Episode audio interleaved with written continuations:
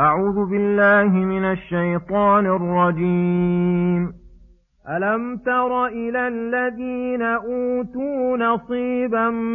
من الكتاب يشترون الضلالة ويريدون أن تضلوا السبيل والله أعلم بأعدائكم وكفى بالله وليا وكفى بالله نصيرا من الذين هادوا يحرفون الكلم عن مواضعه ويقولون سمعنا وعصينا واسمع غير مسمع واسمع غير مسمع وراعنا ليا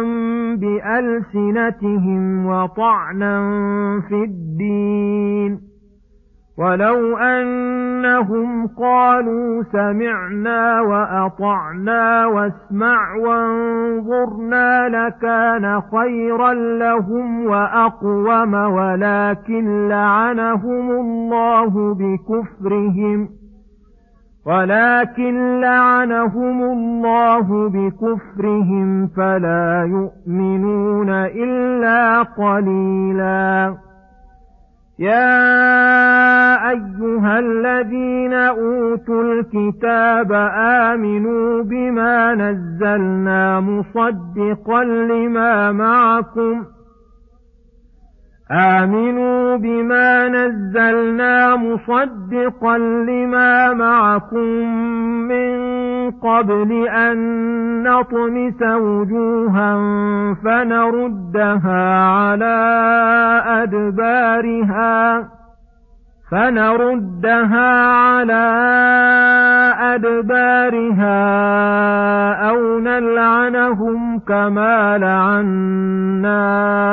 أصحابنا أصحاب السبت وكان أمر الله مفعولا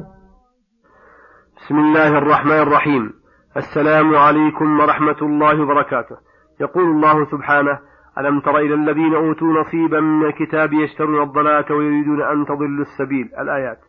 هذا ذم لمن أوتوا نصيبا من الكتاب وفي ضمنه تحذير عبادي عن اغترار بهم والوقوع في أشراكهم أخبر أنهم في أنفسهم يشترون الضلالة أي يحبونها محبة عظيمة ويؤثرونها إيثار من يبذل المال الكثير في طلب ما يحبه في طلب ما يحبه فيؤثرون الضلال على الهدى والكفر على الإيمان والشقاء على السعادة ومع هذا يريدون أن تضلوا السبيل حريصون على إضلالكم غاة الحرص باذلون جهدهم في ذلك ولكن لما كان الله ولي عباده المؤمنين وناصرهم بين لهم ما اشتملوا عليه من الضلال والإضلال ولهذا قال وكفى بالله وليا أن يتولى أحوال عباده ويلطف بهم في جميع أمورهم وييسرهم ما به سعادتهم وفلاحهم وكفى بالله نصيرا ينصرهم على أعدائهم ويبينهم ما يحذرون منه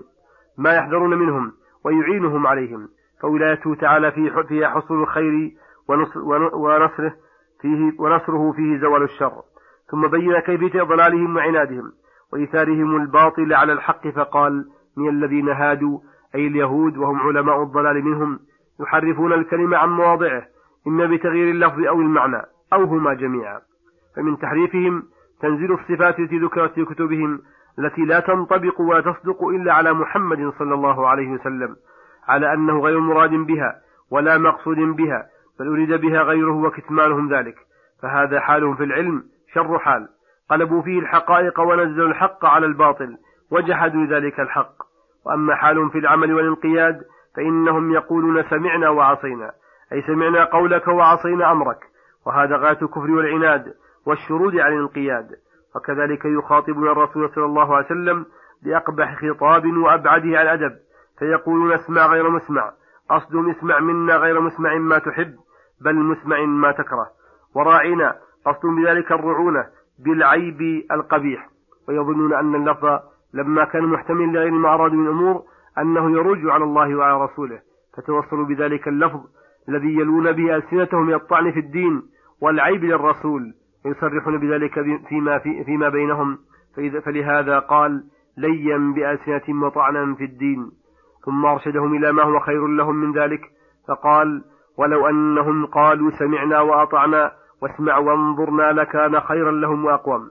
وذلك لما تضمنه هذا الكلام من حسن خطاب والأدب اللائق في مخاطبة الرسول والدخول تحت طاعة الله والانقياد لأمره وحسن التلطف بطلبهم العلم بسماع سؤالهم والاعتناء بأمرهم فهذا هو الذي ينبغي لهم سلوكه ولكن لما كان طبائعهم لما كانت طبائعهم غير زكية أعرضوا عن ذلك وطردهم الله بكفرهم وعنادهم ولهذا قال ولكن لعنهم الله بكفرهم فلا يؤمنون إلا قليلا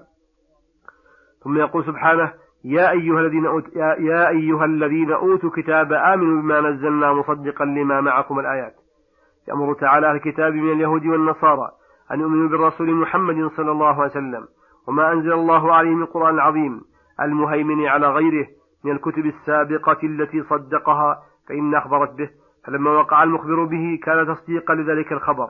وأيضا فإنهم إن لم يؤمنوا بهذا القرآن فإنهم لم يؤمنوا بما في أيديهم من الكتب لأن كتب الله يصدق بعضها بعضا ويوافق بعضها بعضا فدعوى الإيمان بعضها دون بعض دعوى باطلة لا يمكن, لا يمكن صدقها وفي قوله آمنوا بما نزلنا مصدقا لما معكم حث لهم وأنهم ينبغي أن يكونوا قبل غيرهم مبادرين إليه بسبب ما أنعم الله عليهم به من العلم والكتاب الذي يوجب أن يكون ما عليهم أعظم من غيرهم ولهذا توعدهم على عدم الإيمان فقال من قبل أن نطمس وجوها فيردها على أدبارها وهذا جزاء من جنس ما عملوا فكما تركوا الحق وآثروا الباطل وقلبوا الحقائق فجعلوا الباطل حقا والحق باطلا جوزوا من جنس ذلك بطمس وجوههم كما طمسوا الحق وردوها كما طمسوا الحق وردها على أدبارها بأن تجعل في أقفائها في أقفائهم وهذا أشنع ما يكون ونلعنهم كما لعنا أصحاب السبت بأن يطردهم من رحمته ويعاقبهم بجعلهم قردة كما فعل بإخوانهم الذين اعتدوا في السبت فقلنا لهم كونوا قردة خاسئين فكان أمر الله مفعولا كقوله إنما أمره إذا أراد إنما أمره إذا أراد شيئا أن يقول له كن فيكون وصلى الله وسلم على نبينا محمد وعلى آله وصحبه أجمعين إلى الحلقة القادمة غدا إن شاء الله والسلام عليكم ورحمة الله وبركاته